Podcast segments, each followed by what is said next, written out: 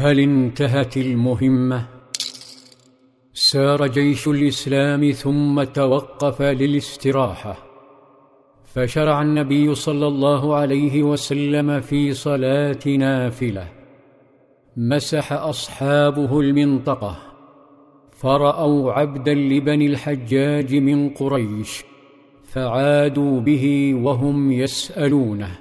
أين أبو سفيان؟ فيجيب.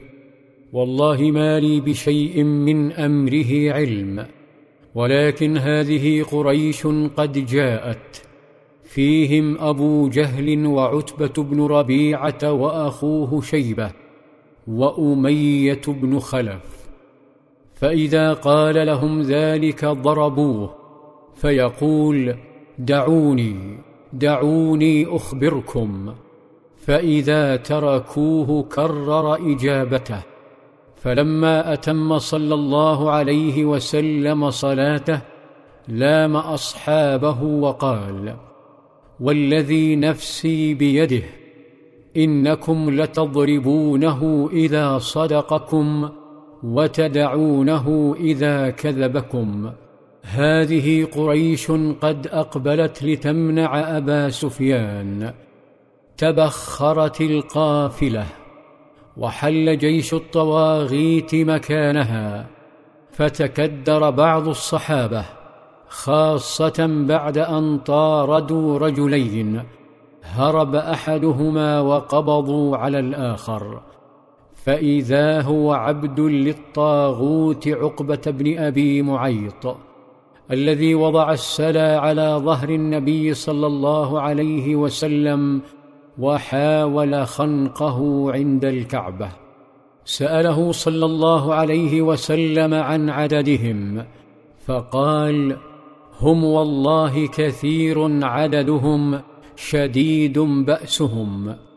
حاول صلى الله عليه وسلم جاهدا أن يخبره فأبى فسأله عن الإبل سؤالا ذكيا كم ينحرون من الجزور؟ فقال عشرا كل يوم.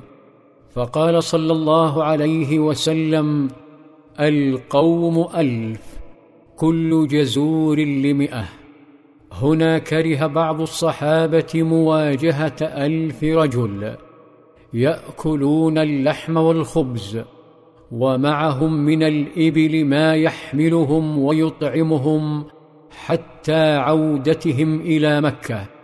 مقارنة بجيش أحرق التمر أجوافهم وأدمت الصخور أرجلهم.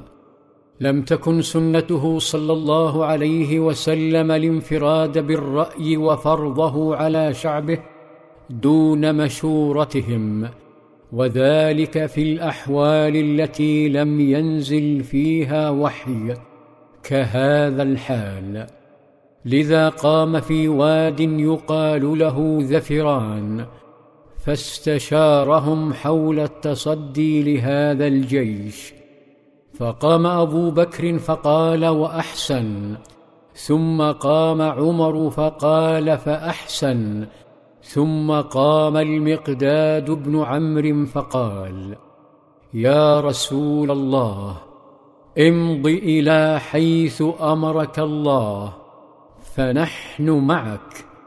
والله لا نقول كما قالت بنو إسرائيل لموسى فاذهب أنت وربك فقاتلا إنا هاهنا قاعدون.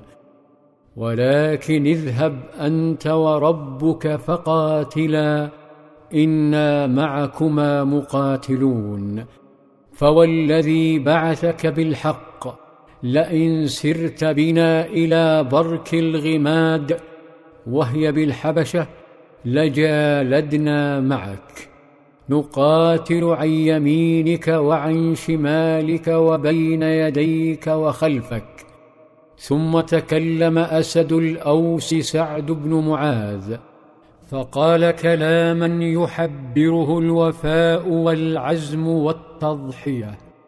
كان صلى الله عليه وسلم ينصت لأصحابه فإذا وجهه صلى الله عليه وسلم قد أشرق فرحا وسرورا برجال صدقوا ما عاهدوا الله عليه وإذا بالوحي ينزل يبشرهم بأحد نصرين.